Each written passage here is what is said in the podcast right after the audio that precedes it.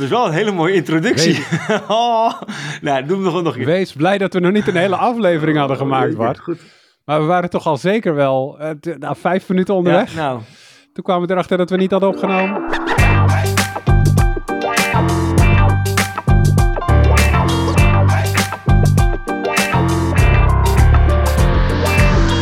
Hey, welkom bij een nieuwe aflevering van een podcast over voeding. In deze podcastserie gaan we in op de wetenschap achter voeding en laten we wetenschappers aan het woord over allerlei thema's die met voeding te maken hebben. Bart Mol van I'm Foodie is er natuurlijk ook weer bij. Hoi Bart. Hey Arnoud, ja, ik ben er weer op deze mooie regenachtige dag. Maar ja, ik kan me lach een beetje niet inhouden, want we hebben vergeten op record uh, te klikken. Dat is echt de eerste keer dat dat echt in 120 shows is gebeurd. Dus ja. het is echt weer van, hoe kan ons dat gebeuren? Maar we zaten er zo lekker in, dus we hebben eigenlijk een hele mooie show opgenomen net. Totdat Arnoud op een gegeven moment zei van, jongens, uh, kak, we hebben niet op record uh, geklikt. Dus we gaan het gewoon nu nog een keer doen. En um, nou, ik had wel een hele mooi bruggetje. Dat ik zei op deze regenachtige dagen. Wat kan je dan het beste doen? Gewoon eventjes de masterclass volgen op donderdag 16 Mhm. november tussen half acht en half tien. Uh, het is toch donker. Pak een kopje thee erbij en volg gewoon onze eerste masterclass. Ja, en als je er dan een broodje bij pakt, dan kan het mooi een broodje Jaap zijn. Want we hebben natuurlijk weer een broodje Jaap voor je. Jaap Seidel hebben we daarvoor nodig. Goedemorgen Jaap. Ja, goedemorgen. Ik klink een beetje krakerig, want het komt, ik, heb voor, ik ben erg verkouden en uh, dat hoort ook bij het weer. Dat hoort zeker ook bij het weer in deze tijd van het jaar. Het is een mooie tijd van het jaar, maar veel mensen liggen snotterend uh, op de bank onder de dekentje masterclasses te kijken. hey Bart, um, er was iets en, en jij wilde dit onderwerp inleiden, dus ik laat de vloer even aan jou. Ja, nou, uh, het was eigenlijk wel dat uh, laatste week eigenlijk, vond ik het wel opvallend, dat best wel veel ehm, comments die ik allemaal las op Twitter, en over allerlei, nou in ieder geval het centraal thema was eigenlijk van dat ook een beetje de uh, onafhankelijkheid van voedingswetenschappen soms in twijfel wordt getrokken door allerlei andere journalisten. Dat ze zeggen, ja, zijn ze naar eer en geweten onderzoek aan het doen? Of hebben ze gewoon een bepaalde persoonlijke visie op een bepaald thema? En dat ze daar richting ja, uh, dat punt onderzoek doen? Of... Um, Net kwam het eigenlijk veel beter uit uh, mijn woorden. Dus die tweede keer gaat het minder smooth, moet ik eerlijk toegeven. Nee, maar het komt er eigenlijk gewoon uh, meer op neer van... Vorige week las ik dus ook een artikel over een Walter Willett die onderzoek had uh, gedaan. Nou, dat zal jij straks verder toelichten. En dan vroeg ik me wel af van ja... Hebben die mensen die er heel kritisch op zijn, hebben, hebben ze een punt? Of is hier meer sprake van framing? Of uh, zijn ze helaas niet zo onafhankelijk als wij misschien willen dat ze zijn? Nou, en dan las ik vanochtend in een artikel in uh, The Guardian. Toen dacht ik van, nou, volgens mij zijn dat wel een aantal topics die we vandaag kunnen bespreken met Jaap. Ja, ja. want uh, om het maar eventjes zo samen te vatten. Er is dus een hoogleraar aan Harvard. Die heet Willard. Jaap, zeg ik ja. dat goed? En um, die uh, heeft onderzoek gedaan naar de correlatie tussen rood vlees en diabetes type 2. En volgens dat onderzoek is die correlatie supersterk. Daar kwam kritiek op en de kritiek die bestond uit twee dingen. Namelijk ten eerste het onderzoek was um, niet valide, het was slecht uitgevoerd. En ten tweede, hij is uh, vooringenomen, want uh, ja, hij heeft heel veel banden met ja, veganistische organisaties, doet vaak dit soort onderzoeken. Kortom, het lijkt erop dat hij dit doet uit een soort van persoonlijke overtuiging dat de wereld hierheen moet, maar niet omdat de wetenschap uh, dat nou per se onderbouwt. En um, dat leek het centrale punt te zijn. Ja. Hoe zie jij dat, Jaap? Hoe, uh, hoe, hoe, kijk jij naar dit soort discussies? Nou, het is wel een, een, een teken van deze tijd, denk ik. Dat uh, eigenlijk altijd als er mensen van mening verschillen, gaan ze de geloofwaardigheid van de andere kant ter discussie stellen. Ja.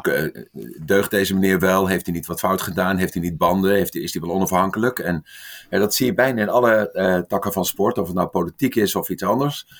En dat zie je ook in de, in de voedingswetenschap. En de voedingswetenschap heeft dat meer dan zeg maar de deeltjesfysica, want er zijn gewoon heel veel meer belangen. En er Ja. zijn heel veel tegenstrijdige meningen. En dat, dat speelt in dit geval dus ook. En dat is al eigenlijk best wel lang aan de gang. Dat, dat speelde al in de jaren tachtig toen ik eh, in Engeland werkte. En toen had je een meneer die zei alle gezondheidsproblemen die komen door vet. Dat was Ansel Keys. En eh, er was ook een andere meneer, John Yudkin, die zei alles komt door de koolhydraten en de suiker. En eigenlijk is die discussie er nog steeds. En waar vooral de energie in gaat zitten, is om de andere partij eh, te beschuldigen van vooringenomenheid, bias, zoals we dat dan ook wel noemen. Eh, vertekening van de eh, werkelijkheid, eh, cherrypicking, al dat soort dingen. Maar ook wel beïnvloeding door allerlei belangen. En dat speelt dus in dit geval bij, dit, bij dat vlees en gezondheid ook echt een rol. Dat is een heel emotioneel geladen onderwerp. Ehm, zodra we het erover hebben, over, over misschien moet het we kunnen niet zoveel vlees eten in de wereld, dus misschien moeten we daar wat aan doen en moeten we terugbrengen. Dan is er een heleboel ja, emotie rondom dat thema. Omdat mensen denken dat ja, we willen je balletje gehakt afpakken. We willen je, nou ja, je plezier uh, wegnemen. En um, het is ook in werkelijkheid natuurlijk zo dat wanneer je een uitgesproken mening hebt, uh, uh, gebaseerd op natuurlijk wel onderzoek. maar vaak is het dan voornamelijk je eigen onderzoek. Dat is nou eenmaal vaak zo. Dat ken je beter en dat vind je belangrijker, want je denkt dat het heel goed is. Um, dan ja, dan trek je mensen aan die jouw opvatting eigenlijk wel uh, waarderen. Hè, die, dat heel goed kunnen gebruiken voor hun uh, standpunt. En dat geldt zowel voor de, zeg maar, de plantaardige voeding. Daar zitten veel belangen achter. Uh, er worden in dat artikel ook allerlei dingen genoemd. Hè, donaties van allerlei organisaties en dat soort zaken. Die ook vooral veganistisch eten zouden willen propageren. En dat is tegenwoordig ook bijna een soort van politiek statement de, de, de woke eh, elite die wil eigenlijk vegan worden en die wil dat de rest van de wereld opdringen. Ik, ik chargeer het een beetje, maar het, komt op uh, uh, voorheen Twitter ehm, wel heel vaak naar voren, dat, dit soort gedachten. En aan de andere kant zie je dat de mensen die eigenlijk wel wat zien in dat vlees- en gezondheidsverhaal, dus vlees- en hart- en vaatziekten, vlees- en diabetes, met name rood vlees en bewerkt vlees, ehm, die um, beschuldigen dat de mensen die dat ontkennen, dat die vooral bezig zijn met uh, ja, beïnvloeding door uh, de vleesindustrie. Want dat is er ook. Er is een Dublin Declaration bijvoorbeeld uh, vorig jaar uitgekomen. Daar was ook ophef over. daar hebben duizenden um, wetenschappers een handtekening gezet over dat vlees eten is toch echt heel goed voor je gezondheid. En als je dan vervolgens kijkt van wie dat dan zijn en wie er dan achter zit, dan blijkt daar dus de vleesindustrie vooral achter te zitten. En, en zo wordt die framing, uh, framing die wordt uh, wel heel erg uh, vervelend, want die, ja, die bepaalt eigenlijk de hele discussie. Dus het, het, verdacht maken van de verschillende standpunten, of de mensen die de verschillende standpunten hebben, dat is iets wat in de voedingswetenschap verschrikkelijk veel gebeurt. Laat ik een ander voorbeeld nog noemen. Dat is, ehm, er zijn een groot aantal onderzoekers die zeggen, ja, we hebben het altijd wel over ehm, eh, bepaalde voedingsmiddelen en bepaalde mechanismen. Maar eigenlijk is het het grote probleem dat we zoveel ultrabewerkt voedsel eten. Daar hebben wij het ook wel eens over gehad hier in, de, in deze uitzending. En um, daar zijn dan ook weer wetenschappers die zeggen: ja, maar dat is helemaal niet wetenschappelijk en dat is uh, onzin en dat, dat moet je helemaal niet als een uitgangspunt nemen. En wat blijkt nou? Hè, er is laatst ook weer een organisatie in Engeland geweest die daar een fel protest tegen heeft ingediend. Uh, en die uh, blijkt dan ook weer voornamelijk uit mensen uh, te bestaan die ook weer betaald worden door de bedrijven die dat ultrabewerkt voedsel maken. Maar het zijn wel weer wetenschappers van naam en faam. Nou, en het speelt dus, dus aan de ene kant spelen dus financiële belangen. Van, hè, want je kunt geen voedingsmiddel bedenken of er is wel heel veel geld mee gemoeid. Uh, of het nou vlees is, of vleesvervangers, of het gaat over eh, frisdranken en suiker, of over allerlei andere dingen. Het zijn grote bedra bedragen die uh, gemoeid gaan met de aandelen van grote multinationals enzovoorts, maar grote takken van, van de wetenschap. Daarnaast heb je dus het emotionele deel hè, van mensen die zeggen: ja, dat kan toch niet waar wezen, want ik zelf vind dat, vind dat niet. Ik, ik geloof daar niks van. en die ideële zaken die spelen dus ook een rol. Hè? Dus dat, dat is wat ze in het Engels wel eens noemen whitehead bias. Hè? Dus je denkt, ja, ik kom op voor uh, milieu en klimaat en voor dierenvriendelijk, diervriendelijkheid en voor gezondheid. Ja, dus ik, ik ben de goede aan deze kant. En de mensen die uh, dieren doodmaken en opeten, dat, zijn, dat is de verkeerde kant. En dus dan heb je het niet eens over financiële belangen, maar gewoon over sterke ideële belangen, die, uh, ideologische belangen zou je het kunnen noemen, die een, uh, ja, een duidelijke vertekening opleveren in hoe mensen naar de cijfers kijken. En wat dat is het opvallende. Er, is geen wetenschap bijgekomen. Die wetenschap is, is één grote, grote brok van literatuurverwijzingen, onderzoeken die allemaal openbaar zijn. En die kun je op een rijtje zetten en dan kun je daar een conclusie uit aan verbinden. En blijkbaar is het dus mogelijk dat je met diezelfde gegevens totaal verschillende conclusies kunt trekken. Uh, dus ja, ik vind dat heel zorgelijk, want daarmee gaan eigenlijk, hè, want ik, zie, ik, zag dat toevallig alweer ook op, uh, in WhatsApp-groepen en ook op LinkedIn en zo, zag je ineens weer allemaal die artikelen over. Zie je wel, weet je wel, die mensen deugen niet van Harvard of die en die deugt niet. En, uh, dus het ging vooral eigenlijk over mensen en over hun onafhankelijkheid en integriteit. En niet meer over de wetenschap zelf. En dat, dat is natuurlijk iets wat dodelijk is voor elk onderwerp. En dat speelt dus bij voeding ook heel duidelijk een rol. En, uh, ja. en daarmee wordt dus eigenlijk ook het vertrouwen in de wetenschap in het algemeen ondermijnd. En bestaat onafhankelijke voedingswetenschap? Want uh, je schetst nu. Want, ja, ik wil het niet de bal terugkaatsen, nee. maar je zegt zo'n Dublin Declaration, die wordt dan ondertekend door allemaal wetenschappers. Maar dat is voornamelijk de vleesindustrie. Ja, ja. Um, dus het is zeg maar niet zo dat jij hier helemaal los van bent.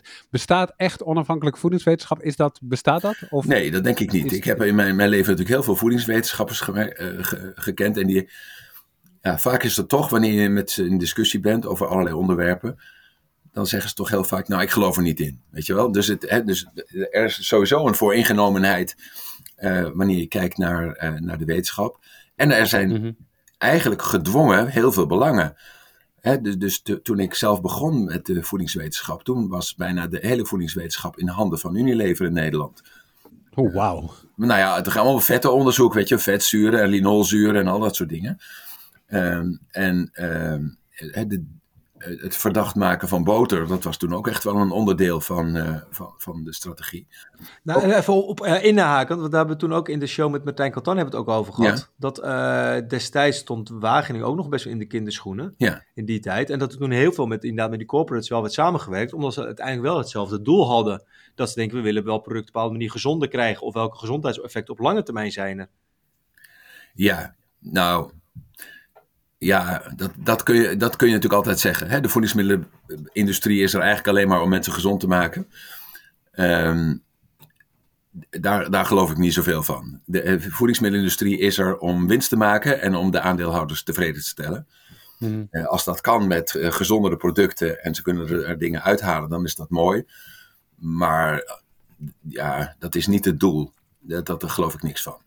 En maar dat geldt ook niet ja? voor de andere voedings, grote voedingsmiddelenbedrijven. Die, die, scoren allemaal heel slecht. Ik was toevallig laatst nog bij het Access to Nutrition uh, Index. Dat is een uh, organisatie die de voedingsmiddelenindustrie legt tegen de mate van inspanningen die ze doen om de mensen gezond te houden. En er is geen bedrijf wat een, wat een voldoende scoort. Hè? Dus die, die, het is allemaal echt onvoldoende en heel slecht. en ze doen wel dingetjes. Hè? Ze, ze vervangen het ene vetzuur door een ander vetzuur en dergelijke. Maar eigenlijk zijn ze vooral bezig met het, uh, met het pushen van toetjes en, en ontbijtgranen ja. en koekjes en drankjes en, enzovoort. Ja. Uh, dus dat, dat idee dat uh, de voedingsmiddelenindustrie eigenlijk er alleen maar is voor onze gezondheid en ons welzijn, dat is een, een fabel waar vooral de mensen die met de industrie werken heel erg in geloven. Ja. maar ik denk niet dat veel Nederlanders daarin geloven. Dat, dat dat het doel is van al die, die producten in de supermarkt die daar liggen, dat die vooral bedoeld zijn om ons gezond te houden. Ja, precies. We willen u gezond houden. Hier zijn veertien soorten pizza's met allemaal evenveel vet. Ja, ja, um, ja. Maar uh, je, je zei maar we hebben ook een vegan pizza. Zeker. dus dan is het goed. um, maar je, zei net van iedere wetenschapper heeft eigenlijk wel belangen. Iedere ja. wetenschapper is natuurlijk ook gewoon een mens, heeft een eigen mening en daarmee een soort van vooringenomenheid. Hoe groot is de invloed van die belangen en die vooringenomenheid op de resultaten van onderzoeken? Nou ja, kijk, dat, dat, dat, dat, mensen een mening. Dat hoort natuurlijk gewoon bij de wetenschap. En daar, wat, ja. wat er normaal bij de wetenschap gebeurt, is dan. Je gaat elkaar. Uh, uh, bediscussie, je gaat de discussie aan. Je gaat kijken, kloppen jouw feiten wel? Onder, onderbouw dat is. En ik heb andere feiten. En hoe komen we tot een soort van uh, integratie van al die kennis? Want er is maar één conclusie natuurlijk eigenlijk mogelijk. Hè? De, dus. Um, uh, dat, dat zou er eigenlijk moeten gebeuren. Dus dat je met een vooringenomen standpunt uh, uh, naar cijfers kijkt, dat is bij iedereen zo. Ik geef aan de VU een, een vak dat heet wetenschap is ook maar een mening. En ja. daarin vraag ik eerst aan studenten, zijn jullie, hebben jullie weer vooroordelen en al dat soort zaken. En dan doen we de Harvard Implicit Associations Test. En dat is, dat is een test bedoeld om vooroordelen uit te halen. En dan blijkt iedereen ontzettend veel vooroordelen te hebben. Over, nou, Uiteraard. over huidskleur gaat of over allerlei andere dingen. En het gaat dus ook over voeding. Hè? Dus je, je bent zelf opgevoed in een bepaalde cultuur, met bepaalde voedingsgewoonten, in een bepaald voedselaanbod en je hebt dingen gehoord en je hebt nou, van betrouwbare bronnen en minder betrouwbare bronnen en je leest dingen. En daarmee heb je al een mening gevormd. Dat is nou eenmaal zo. Hè? Maar wat wetenschappers natuurlijk eigenlijk moet, vooral moeten doen, is niet uh, elkaar uh, de maat nemen in de maat. Je deugt niet, want je hebt wel eens geld aangenomen voor die en die. Uh, maar dat het veel meer gaat over, laat je cijfers nou eens zien. En, en laat je je feiten zien. En hoe kunnen we daar een, een, een, ja, kunnen we de kennis verbeteren door elkaar kritisch te bevragen. En dat gebeurt eigenlijk veel te weinig. Hè? Dus de, de, de, de, discussies over voeding worden vooral gevoerd op social media en in de media zelf. Uh, dat, dat merk ik zelf ook. Als ik wel eens uitgenodigd word op talkshows, ik zeg steeds vaker nee. En dan, dan weet ik eigenlijk van tevoren, eh, ze willen mij iets laten zeggen. En dan gaan ze iemand anders erbij vragen die het tegenovergestelde zeggen, zegt. En of dat nou klopt of niet, of dat het wetenschappelijk onderbouwd is, of dat je een discussie krijgt over feiten, daar is dan geen tijd voor.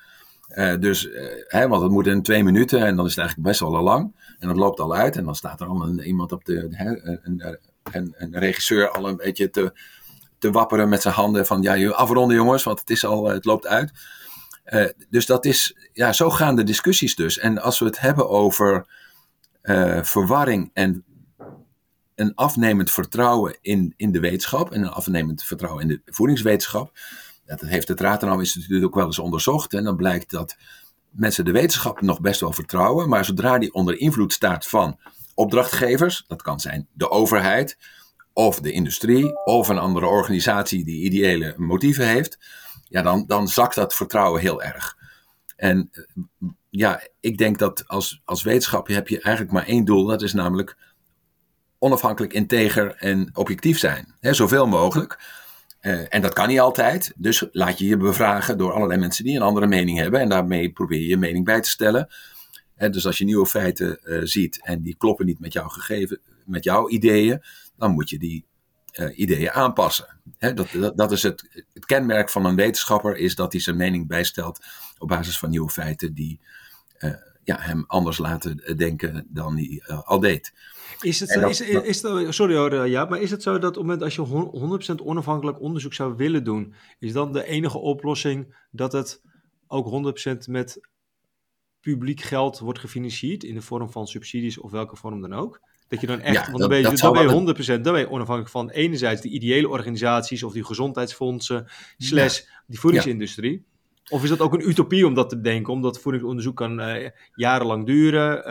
Ja, ja nou ja, kijk, wat, wat in ieder geval een verkeerd idee is, is dat de, de overheid eigenlijk vindt dat uh, wetenschappers vooral samen met de industrie dingen moeten werken. En dat kan soms best wel eens nuttig zijn. Hè. Wij doen onderzoek met, uh, met supermarkten. Dan kijken we of de, de prijs en de plaats en, en, en de promotie van allerlei voedingsmiddelen leidt tot andere keuzes. Dat moet je met een supermarkt doen, want ja, je kan het ook wel zelf. Je kan er zelf een supermarkt maken. Maar dat is, is te ingewikkeld voor mensen zoals ik. En ehm, ja, dat moet je in, in het echte leven doen. Hè. Daar heb je nou eenmaal aanbieders en zo. En dat, maar dat je eigenlijk, stel je voor, we hebben wel, ik heb samen met Martijn Katan een suikeronderzoek gedaan naar suikerhoudende dranken. Eh, stel dat er uitgekomen was dat er geen effect was op lichaamsgewicht. En het wordt ook gesponsord door Coca-Cola. Nou, dan heb je twee problemen. De eerste is de geloofwaardigheid van het onderzoek. Uh, hè, dan geloven mensen het niet meer, want uh, natuurlijk is dat dan beïnvloed. En er verdwijnt natuurlijk ook heel veel onderzoek wat niet welgevallig is voor de industrie in de la. Heel veel studies worden gewoon niet gepubliceerd. Uh, en daar zit dus heel veel selectie uh, in. En natuurlijk eigenlijk de gunstige dingen, die worden vooral wel gepubliceerd. En de minder gunstige dingen, die worden nou, ergens onzichtbaar weggestopt.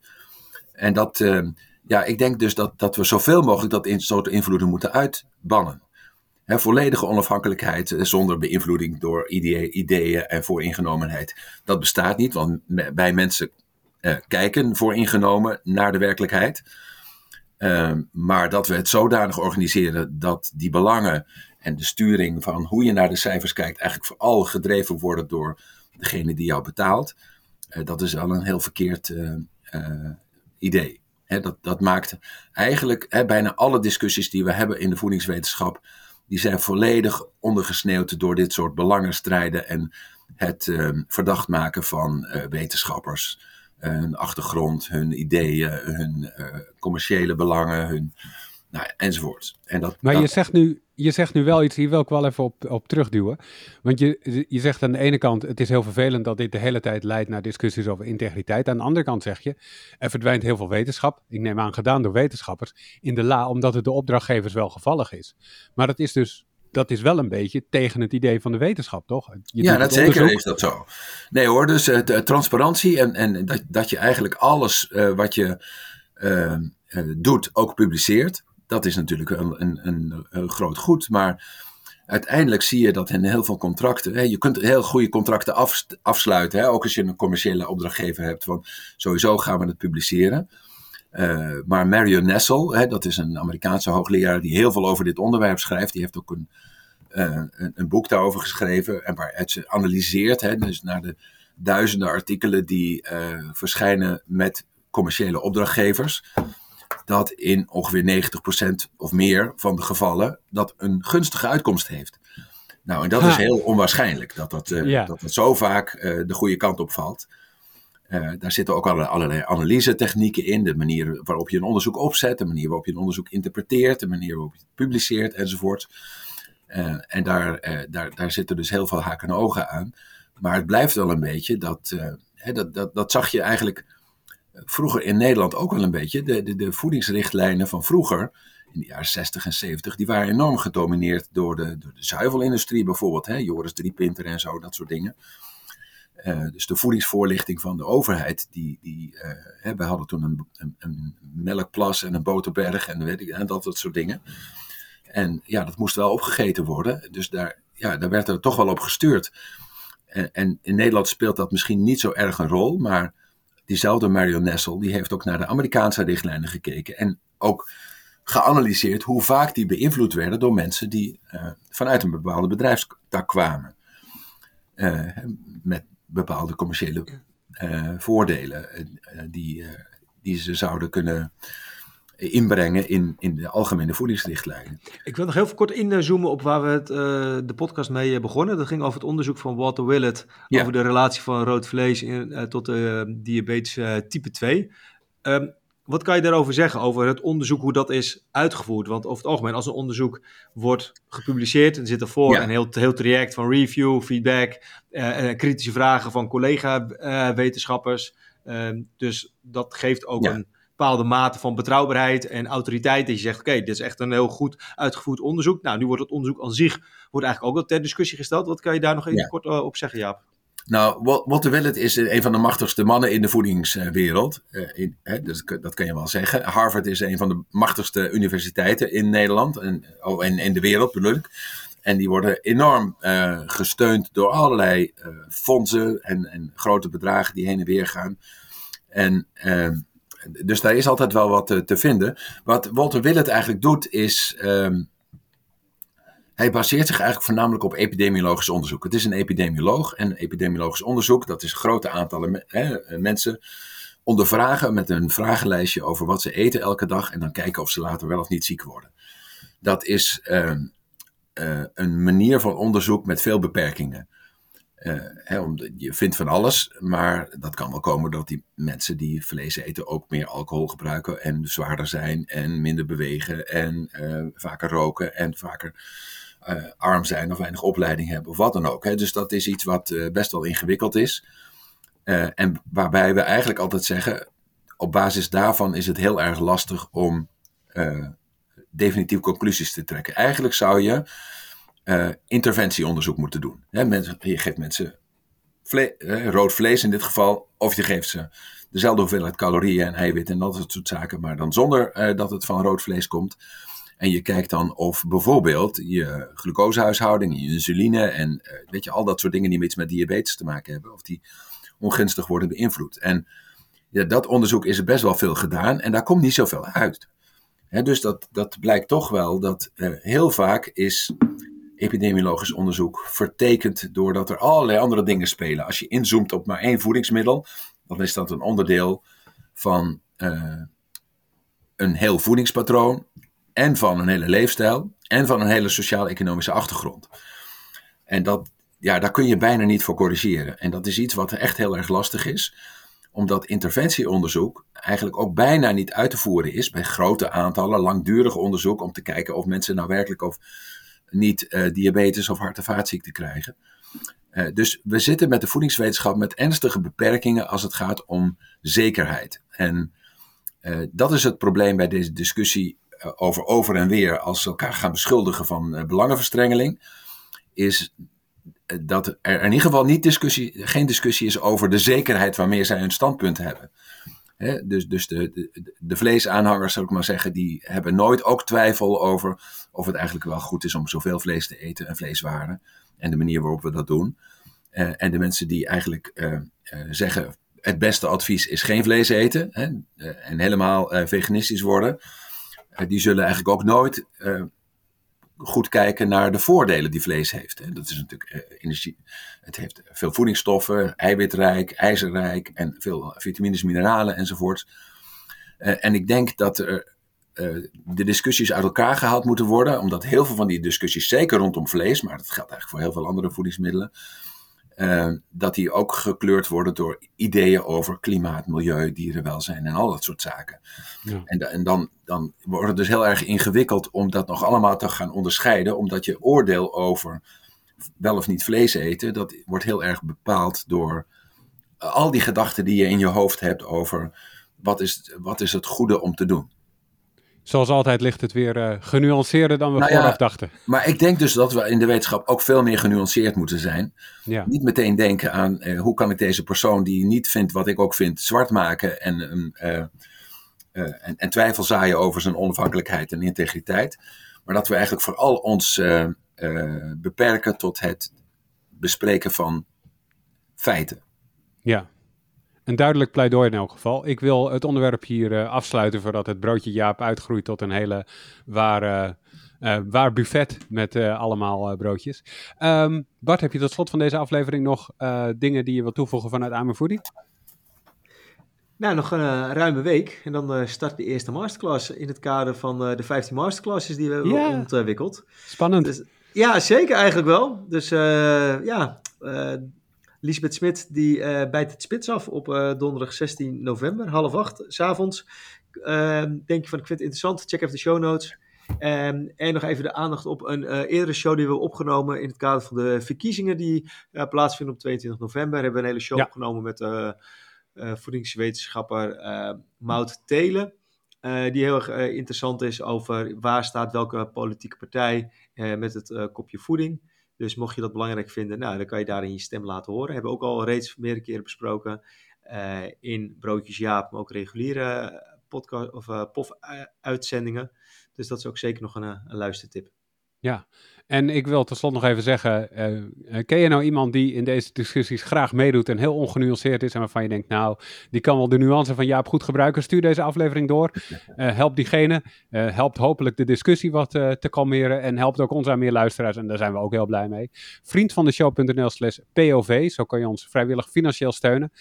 vinden we ook heel fijn, want dan kunnen we meer en betere podcasts maken.